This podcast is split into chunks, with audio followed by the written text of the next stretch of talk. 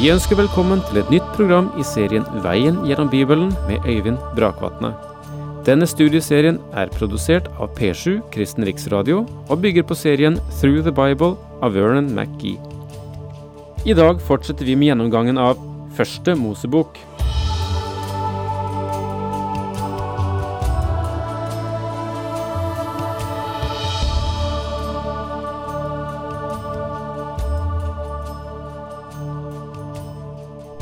Sist så vi at Abraham vant seier over konger som hadde angrepet Sodoma og Gomorra, og som annet hadde tatt Lot og hans familie til fange. Abraham frir dem ut, vinner seier over kongene, og vender nå tilbake igjen til eh, Sodoma. Og Da går vi inn i Første Moseboks kapittel 14 og vers 17, der det står Da Abraham hadde slått Kedorlaomer og de kongene som var med ham, vendte han tilbake. Da kom kongen i Sodoma ut imot ham i Slettedalen, som nå heter Kongedalen. Kongen i Sodoma gikk ut for å møte Abraham. Men nå kommer en annen ut for å møte Abraham også. Og det er en lykke at han gjør det, fordi Sodomas konge kommer til å presentere det som ble en svær fristelse for Abraham, egentlig. Og Melkisedek, står det videre, kongen i Salem, kom ut med brød og vin. Han var prest for den høyeste Gud. Han velsignet Abraham og sa, Velsignet være Abraham av den høyeste Gud, han som skapte himmelen og jorden. Jeg har flere spørsmål her, og det er jeg sikker på at du har også. For det første, hvor i all verden kom denne Melkisedek fra? Han kommer bare vandrende mot oss ut av Skriftens blad med brød og vin, han velsigner Abraham, og så går han tilbake inn i Skriften igjen. Og det er det hele. Jeg undrer hvor han kom fra, jeg undrer på hvor han går, og jeg undrer på hva hans hensikt egentlig var. Jeg ser av Skriften at han er konge i Salem, men han er også prest for den høyeste Gud. Men nå har jeg et annet spørsmål. Hvordan klarte han å finne fram til den høyeste Gud? Et eller annet sted må han ha fått det fra. El Elohim er den høyeste Gud, himmelens og jordens skaper. Med andre ord den levende Gud, Guden fra første kapittel i første Mosebok, Noas Gud og Enoks Gud. Dette er den ene. Han er ikke en lokal guddom. Mange hjerner har tumlet med tanken omkring Melkisedek, men en av dem, Samuel Svemer, sier at dette åpenbarer at troen på én gud, monoteisme, kommer før polyteisme, troen på flere guder. Med andre ord, alle mennesker hadde kunnskap om den levende og sanne Gud.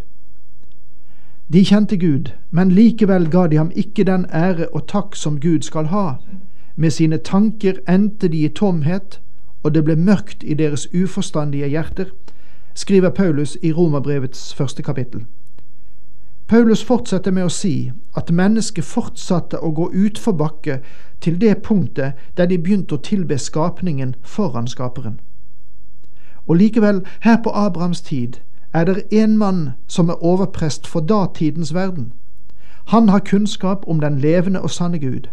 Han er prest for den levende og sanne Gud. Han kommer ut, bringer med seg brød og vin til Abraham, og det er nattverdselementene. Jeg undrer hva han hadde i sinne.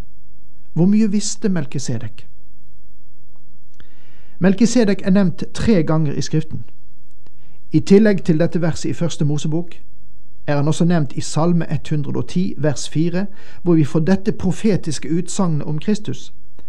Du skal være prest til evig tid på Melkisedeks vis. Til slutt nevnes han flere ganger i Hebreerbrevet.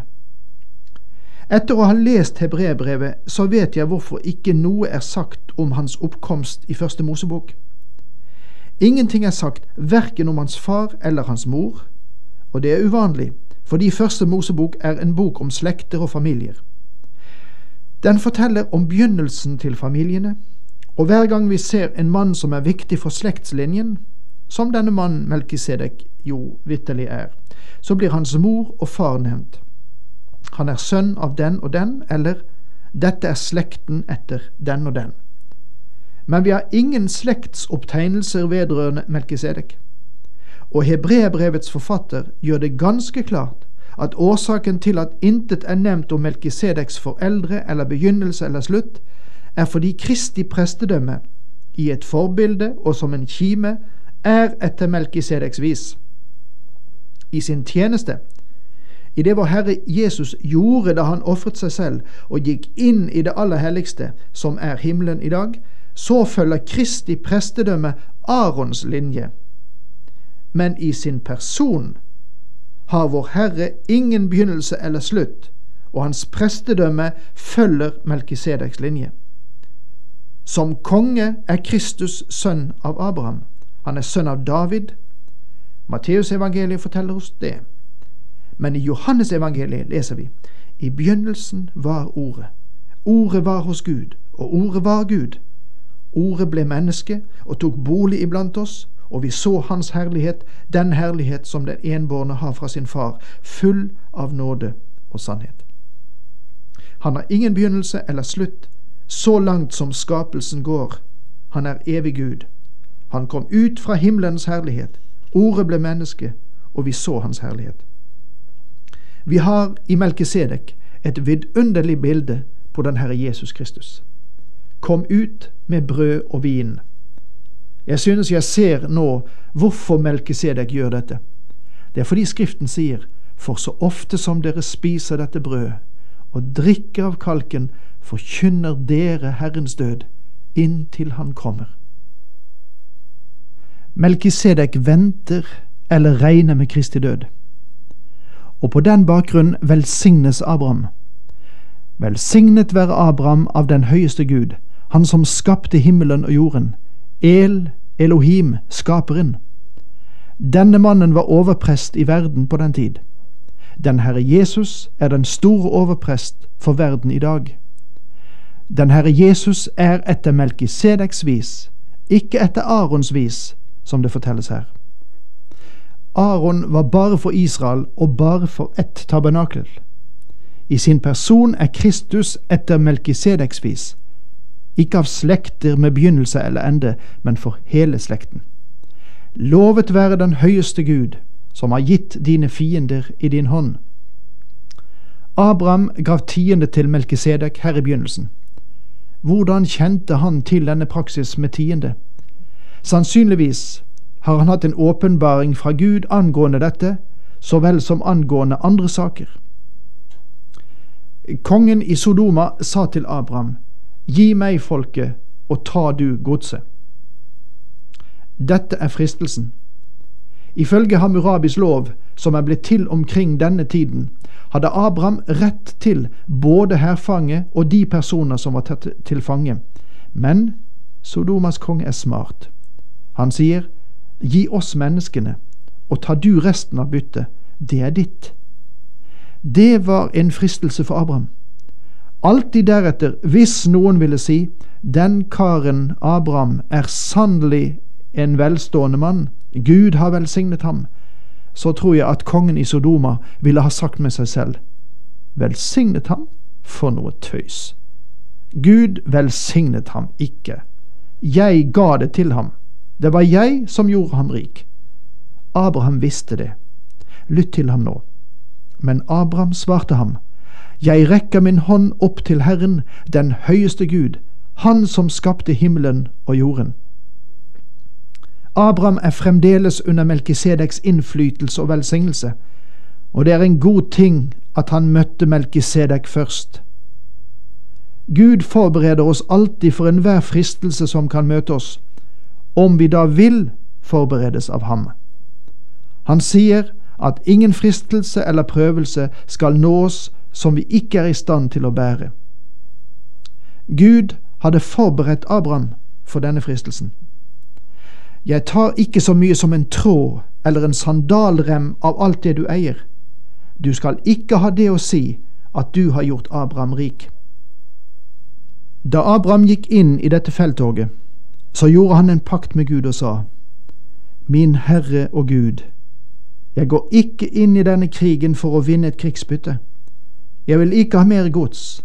Jeg vil utfri og hjelpe min brors sønn Lot. Og Gud tillot ham å være med på de premisser. Og nå forteller Abraham dette til Sodomas konge og avlegger sitt vitnesbyrd for ham. Abraham sier, Jeg tilber den levende og sanne Gud, jeg har avlagt ed på at jeg ikke skal ta noe.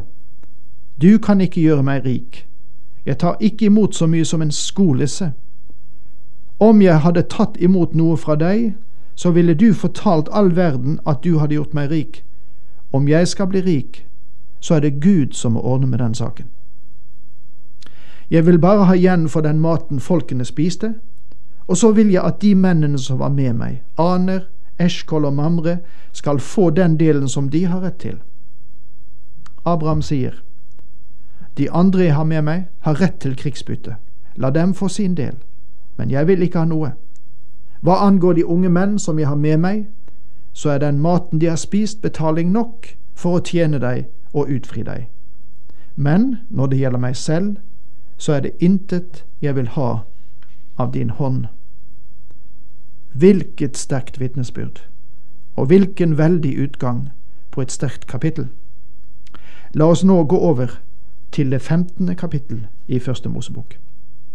Og her er vi, efter min mening, kommet til et av høydepunktene i Bibelen. En tid etter at dette hentes, sier Skriften, kom Herrens ord til Abraham i et syn, og det lød så. Frykt ikke, Abraham, jeg er ditt skjold, din lønn skal bli meget stor. Dette er fjerde gangen Gud åpenbarer seg for Abraham. Gud utvikler denne mannen og fører ham videre fremover. Det er godt at Gud åpenbarer seg for ham nå, fordi Abraham har tatt et stort skritt i tro ved å komme Lot til unnsetning og redde ham, og ved å avslå det krigsbyttet som kongen i Sodoma tilbød.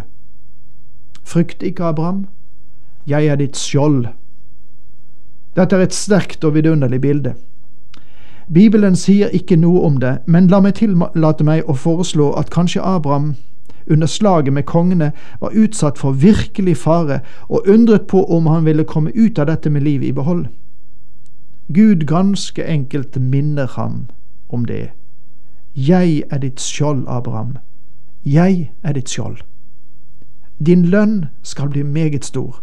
Med andre ord sier Gud, du gjorde vel i at du frasa deg krigsbyttet. Jeg er den lønn. Jeg har i sinne å belønne deg. Du verden hva Gud kan gjøre med og gjennom ett menneske i dag som er villig, enkelt og tillitsfullt å tro Gud og se hen til ham. Men om du nå tror at Abraham er en av disse fromme menn som polerer sin strålekrans, så tar du feil. Abraham er meget praktisk, og nå kommer han ned til hovedspørsmålet, og jeg tror ærlig talt at Gud liker at vi gjør det. Jeg skulle ønske at vi kunne bli kvitt all denne falske fromheten og den hyklerske holdningen som vi også kan finne i dag, selv i de mest bibeltro kretser. Legg merke nå til hva Abraham sa, det er ganske fantastisk. Men Abraham svarte, Herre min Gud, hva vil du gi meg? Jeg går jo barnløs bort, og Elieser fra Damaskus skal arve mitt hus. Meg har du ikke gitt barn, sa Abraham, og en trell i mitt hus kommer til å arve meg. Denne spenningen vender vi tilbake til neste gang.